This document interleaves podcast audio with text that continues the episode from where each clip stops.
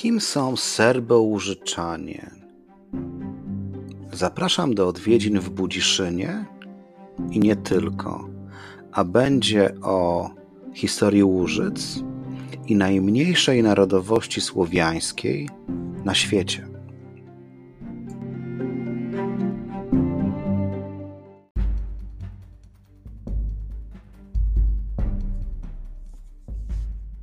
Ryszard Kapuściński powiedział kiedyś: Wszak istnieje coś takiego jak zarażenie podróżą i jest to rodzaj choroby, w gruncie rzeczy nieuleczalnej.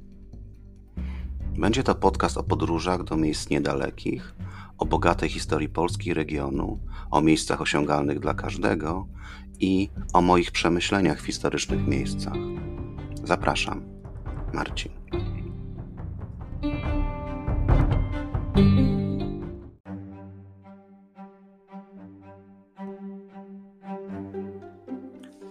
Przemierzając Łużyce, a więc krainę znajdującą się za naszą zachodnią granicą, nie trudno nie zauważyć Budziszyna, po niemiecku Bautzen. Z daleka miasto Wież, bo tak się mówi o Budziszynie, wita turystów strzelistymi dachami budynków, takich jak Katedra Świętego Piotra, Zamek Ortenburg czy malownicze ruiny Kościoła Świętego Mikołaja. Kiedyś w latach 80. kupiłem książkę Zarys dziejów Serbo-Łużyczan, myśląc, że dowiem się czegoś o narodach ówczesnej Jugosławii. Drobny błąd, ale przez lata chciałem zobaczyć Budziszyn, co udało mi się dopiero w 2006 roku. Konsekwentnie wracam w te okolice, bo to dla mnie iście nieoczywista część świata, a jednocześnie leżąca tak blisko Polski.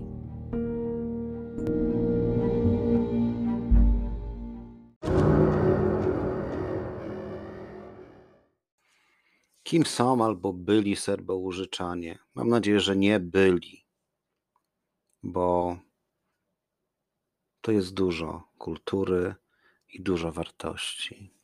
Serbo-Łużyczanie to grupa etniczna, a tak naprawdę najmniejszy istniejący do dnia dzisiejszego naród słowiański, zamieszkujący ziemię łużycką, należącą do terytorium dzisiejszej Saksonii i Brandenburgii. Istnieje kilka hipotez na temat, kiedy Serbo-Łużyczanie pojawili się w okolicach e, Budziszyna, a także co ich wiąże z bałkańskimi Serbami, co na pewno jest ciekawą historią, aczkolwiek nie do końca wyjaśnioną. Spróbuję zacząć od czasów starożytnych, czy też wcześniejszego średniowiecza. Zwykle się przyjmuje, że oni po prostu byli i są. Według pewnej teorii za wspólną ojczyznę Serbów bałkańskich i Serbów łużyckich przyjmuje się tak zwaną Białą Serbię, która obejmowała dzisiejsze tereny, e, dzisiejsze tereny północnych Czech, Niemiec i Polski. Między Bobrem, Kwisą, Odrą na wschodzie, a rzekami Soławą z niemieckiego Sale i Łabą na zachodzie.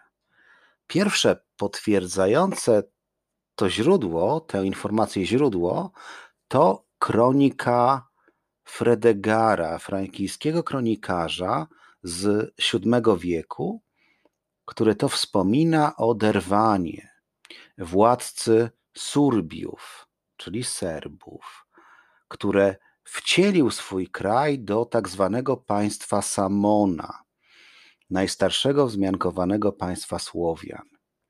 Państwo to powstało, kiedy zjednoczeni to Słowianie bronili się przed dominacją władców awarskich, kolejnych przybyszy z Kaukazu, osiedlonych na Nizinie Panońskiej, teren dzisiejszych Węgier. Somon był frankijskim kupcem, który stanął na czele Słowian. I uwaga, mamy rok 623. Istnieje państwo, które jest w stanie wygrać wojnę graniczną z królem Franków, Dagobetem, z, dynastii Merowingów. Wróćmy do księcia Derwana, który przez pewien czas oczywiście był lennikiem państwa Franków, bo państwo było malutkie. Jednak z czasem, jak wspomniałem, obrócił się przeciwko nim. Łupił też e, w ramach potrzeby środków Turyngię i Sasów. Historycznie wzmianki głoszą, a chodzi o dokument bizantyjskiego cesarza Konstantyna VII, że istniał tak zwany nieznany książę, prawdopodobnie brat Derwana, który przeprowadził Serbów z Białej Serbii, wspominanej już, czyli terenu historycznych Łużyc, przez góry dynarskie, tłukąc po drodze Awarów na tereny dzisiejszych Bałkanów. Istnieje legenda, że dał początek dynastii Wlasi Morowiczów, która rządziła w X wieku księstwem serbskim. Tyle z czasów dawnych. Przyjmijmy tezę, że Serbów bałkańskich i łużyckich łączą te same korzenie. E, w dość anonimowych kronikach, chronikon Moizancense, znalezionych w Katalonii, pojawia się jeszcze Miliduch. Mamy rok 1806, który jednoczy plemiona serbskie przeciwko Frankom. Staje do walki przeciwko wojskom Karola Młodszego i ginie w walce na terenie dzisiejszej Saksonii. Najprawdopodobniej turbosłowianie zganią mnie, bo chyba to jest zamach na tak zwaną Wielką Lechię, ale staram się mówić o tym, co znalazłem w źródłach i skracać to maksymalnie, żeby słuchacze zrozumieli, o czym mówię. W porządku. Mamy naród na terenach dzisiejszych Łużyc, więc przejdźmy do czasów troszkę bardziej namacalnych. Więc w czasach lepiej nam trochę znanych Łużyce pojawiają się przy okazji ich aneksji i włączenia do państwa polskiego za czasów Bolesława Chrobrego. A na mocy pokoju podpisanego w Budziszynie Łużyce stają się polskie po to, aby już w 1031 roku, czyli sześć lat po śmierci Bolesława, wrócić pod panowanie Niemiec. E, ziemia łużycka już potem w Polsce się nigdy nie znalazła, ale były epizody z Polską związane. Począwszy od IX wieku, Łużyce były intensywnie kolonizowane przez osadników z Flandrii, Saksonii czy też Turyngii, co powoduje, że część Łużyczan ulega tak zwanej pierwszej germanizacji, czyli są dwujęzyczni.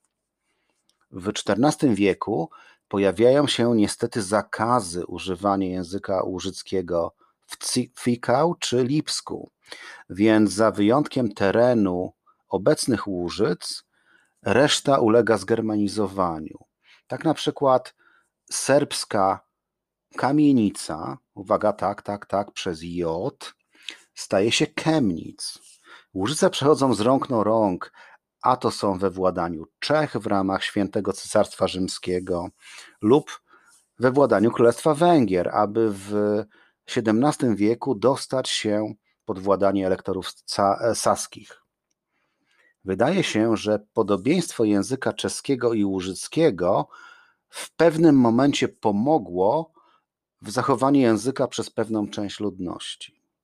Pod koniec XV wieku, kiedy umarł król Maciej Korwin, rozpoczęto zabiegi o przejęcie zwierzchnictwa nad Łużycami. Kto je to rozpoczął? Polacy. Ówczesny król czeski Władysław II Jagiellończyk umieszcza królewicza Zygmunta jako namiestnika Łużyc. Zygmunta, późniejszego króla, nazwanego potem Starym.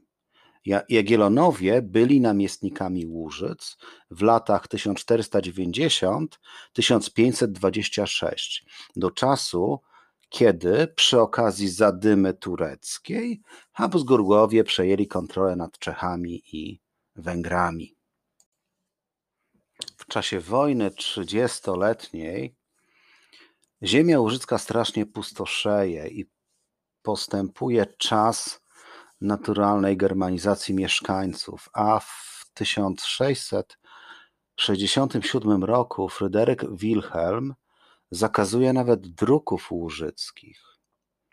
Odrodzeniu języka łużyckiego pomaga reformacja. Nawet na początku XVIII wieku powstaje w Pradze seminarium łużyckie. Po kongresie wiedeńskim następuje już trwały podział Łużyc, bo górne Łużyce przypadają Saksonii, a dolne Łużyce Prusom. Zdecydowanie bardziej tolerancyjna Saksonia pozwala na zachowanie kultury Łużyca, natomiast Prusy Łużyczan zwalczają. I oczywiście nie pomaga zjednoczenie Niemiec przez Otto von Bismarcka, a także uprzemysłowienie regionu przed I wojną światową z całą rzeszą ludności napływowej. Jednak w 1912 roku powstała społeczna kultura, e, społeczno-kulturalna organizacja Serbów Łużyckich, tak zwana Domowina, Związek Organizacji Łużyckich, co naprawdę dobrze świadczy o odrodzeniu kulturalnym. Natomiast Republika Weimar, Weimarska po I wojnie światowej, mimo konstytucji gwarantującej swobody, wcale nie pomaga niezależności Serbów Łużyckich. No i potem niestety pojawia się trzecia Rzesza, gdzie Himmler opracowuje brutalny plan, iście brutalny plan masowej eksterminacji, to znaczy mordowania na miejscu, bezlitosnej germanizacji, bądź to wysyłania czy też deportowania do Polski. Istniały nawet propagandowe zabiegi socjotechniczne, które mówiły o Łużyczanach jako starogermańskiej nacji.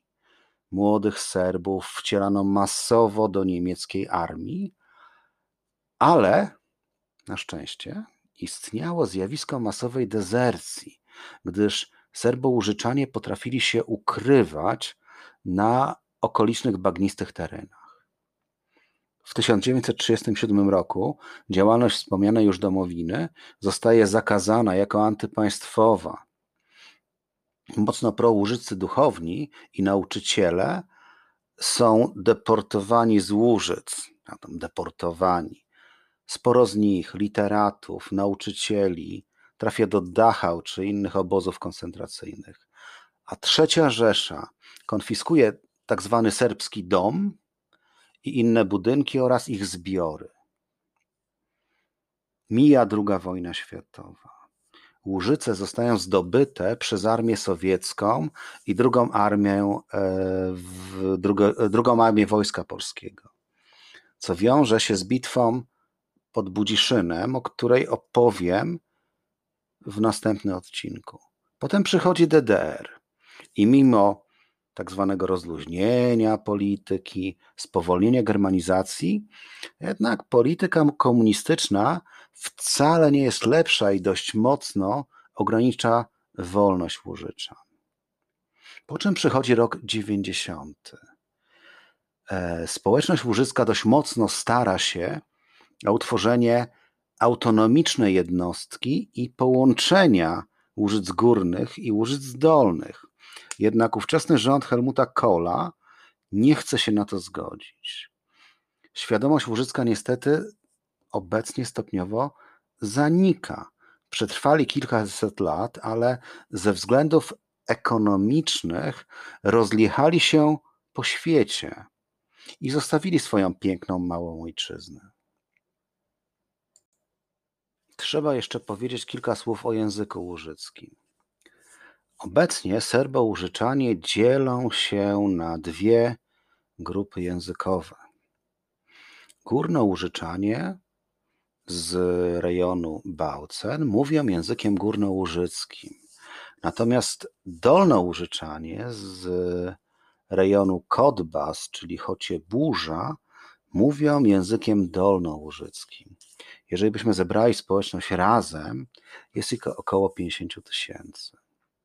Język górnołużycki jest bardzo mocno zbliżony do języka czeskiego, natomiast dolnołużycki do polskiego.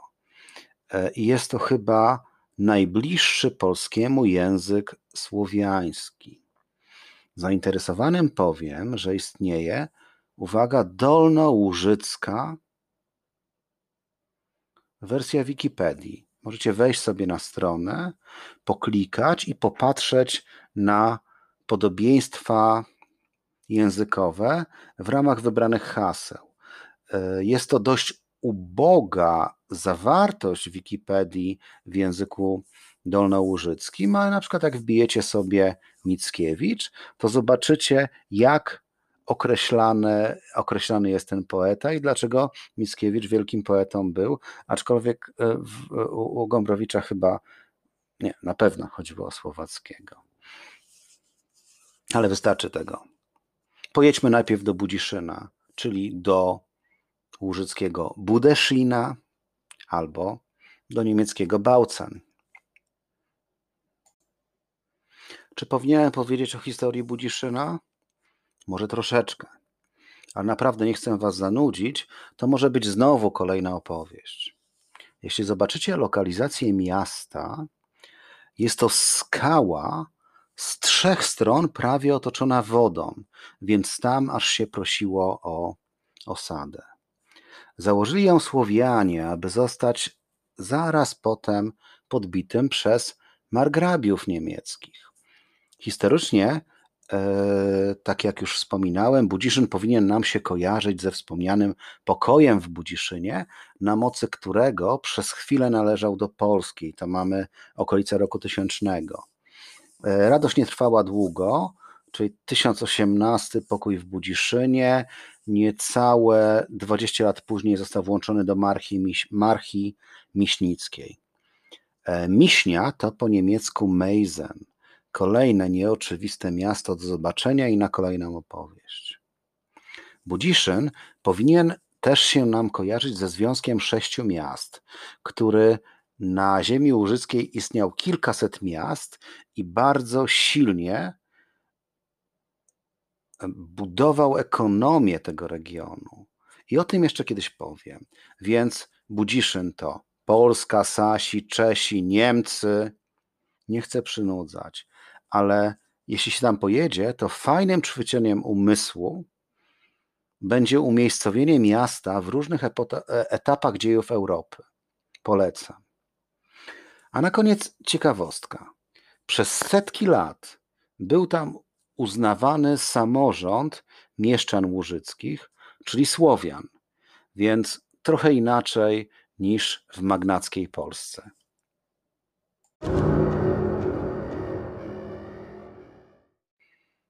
A co zobaczymy w Budziszynie? Mogę powiedzieć tylko o kilku rzeczach, ponieważ Budziszyn może być miastem nie tylko na jeden dzień. Proponuję zacząć od zamku. Zamek Ortenburg. Uwaga, to też trochę świadczy o historii tych ziem. Zamek Ortenburg został założony przez Niemców w 958 roku, czyli na terenach wcześniejszej osady Serbołużyczan. Parę chwil służył Chrobremu. Potem, pod koniec XV wieku, już był w rękach Węgrów i był intensywnie renesansowo przebudowywany przez Macieja Korwina. Nawet powstała wtedy wieża Macieja na cześć węgierskiego króla. Na zamku obecnie znajduje się Serbski Muzej Budy Shin, który Wam opowie o historii i kulturze regionu. I nie martwcie się tym, że nie znacie niemieckiego, bo bardzo łatwo zrozumieć e, łużyckie rzeczy. W końcu jesteśmy Słowianami. Zobaczycie też rzeźbę królewicza Zygmunta. Stoi z mieczem na lwie, z aniołami po bokach. Miał facet mniemanie o sobie, ale syna spodził tylko jednego, w dodatku bezpłodnego. Nic to, jak mawiał mały rycerz Wołodyjowski. Ruiny kościoła świętego Mikołaja to jakby druga strona miasta od zamku. Ruiny są obłędne. Na tysiąc zdjęć. Tam zobaczycie zabytkowy cmentarz, gdzie znajdziemy nagrobki słowiańskie z napisami takimi jak Niech nasz żywa nadzieja dowiedzie do żywienia. Czyli chodzi o zbawienie, domyślacie się to, co znaczy. Czy też sporo znajomo brzmiących nazwisk i imion. Tak, tysiąc lat Słowian na tej ziemi. No i uwaga, Bałcen to miasto musztardy, w której jest Muzeum Musztardy, a też zauważyłem restaurację, znaczy zauważyłem i byłem tam, restauracje serwujące dania z musztardą. Baucener Senfstube. Senf to po niemiecku musztarda. E, jadłem tam wołowinę w sosie musztardowym i pasowała do bardzo cierpkiego, taninowego, lokalnego czerwonego wina. Idąc szprewą wokół miasta, musicie natrafić na lokalny browar ze świetnym piwem, wspaniałym widokiem na urządzenia hydrotechniczne i lokalną dobromacz ciężką kuchnią. Wiecie, kartofle i szpek. Katedry Piotra i Pawła też nie wolno pominąć. E, jest ona jedyną świątynią w Niemczech od 1524 roku jako świątynią używaną przez dwa wyznania przez katolików i protestantów. Wyobraźcie sobie taką sytuację w Polsce. Wydaje mi się, że skończyłoby się to na egzorcyzmach. Porozumienie dotyczące użytkowania świątyni podpisano w 1543 roku. Znam oczywiście przypadki nowożytne, gdzie luteranie korzystali ze świątyni e, reformatów albo odwrotnie, ale tutaj mamy ekumenizm trwający 500 lat, zanim to było modne. No i teraz uwaga, tak, tak chodzicie po tych miastach, to istnieje w ogóle mapa miasta z numerkami i opisami. Wszystkich hi historycznych atrakcji warto tą mapą podążać. Chyba od 1 do 15, ale nie jestem pewien. Od 1 do 15. No i teraz te dwujęzyczne napisy, bo wszystkie ulice są opisane podwójnie, czyli na przykład ulica przy katedrze, przy Petrowej Cyrkwi, a po niemiecku Un der Petrikirche. Steinstraße, Kamiętna Hasa. No i co bardzo ciekawe, Wendischer Graben, czyli serbskie chriebie. Wendischer to chyba od Wenedów, czyli najstarszej wzmianki o Słowianach. Czyli tak w niemieckim języku, może mówią Słowianie, nie wiem. I zagadka. Ta ulica po serbsku na nasze nazywa się Serbski Rów. Więc wszystkie ulice mają swe niemieckie i słowiańskie nazwy. Budziszyn to także miasto budowli hydrotechnicznych na Szprewie. Po prostu obejdźcie dół miasta wokół i nie zapomnijcie aparatu. Na rynku znajduje się fontanna. Pomimo starej figury, ma nowożytny basen przedstawiający dzieje miasta. Na nim zobaczymy na ostatnim epizodzie generała Karola Świerczewskiego, tak, polskiego generała, zdobywca miasta, niestety cudzą krwią. Niesamowite jest to, że ten relikt czasów słusznie minionych pozostał w centrum miasta do dzisiaj. To nie wszystko. Zbadajcie Budziszyn. Zapraszam.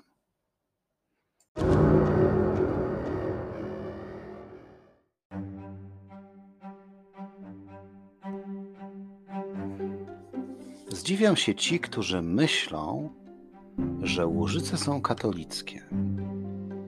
Mnie także to zdziwiło, bo Łużyce w większości są protestanckie. Tylko mała enklawa wokół Budziszyna jest bardzo mocno katolicka. Sam Marcin Luther, ojciec Kościoła Ewangelickiego, niepochlebnie wyrażał się o Łużyczanach, nazywając ich die schlechteste alla nationem, czyli najgorszym ze wszystkich narodów. A jednak nasunie się pytanie, dlaczego Łużyczanie stali się protestantami? Uwaga, protestanci kładli nacisk na religijność w językach ojczystych. Od co? I tak, nieprzychylny Łużyczanom Luter i założony przez niego Kościół pomogli przetrwać językowi w postaci Biblii czy pieśni religijnych. Niedaleko Bałcen znajduje się miejscowość Krostowic, akurat katolicka, czyli po łużycku Chrościcy albo Chruścicy. Tu także warto przyjechać, bo uwaga, wieś w 85% mówi w języku górnołużyckim. To taka swoista, żywa skamielina. Tu na przykład w roku 1945 ponownie powołano Stowarzyszenie Organizacji Serbołużyckich Domowina, o którym już mówiłem. W latach 70. nawet odwiedził ich biskup Karol Wojtyła, tuż przed tym, kiedy, został wybrany na biskupa Rzymu. Byłem tu na Festynie. Fascynujące było słyszeć słowiański język w Saksonii. Ale z chruścicami wiąże się pewien mroczny epizod. Epizod polskiej krwi. Ale o tym w następnej audycji. Pozdrawiam.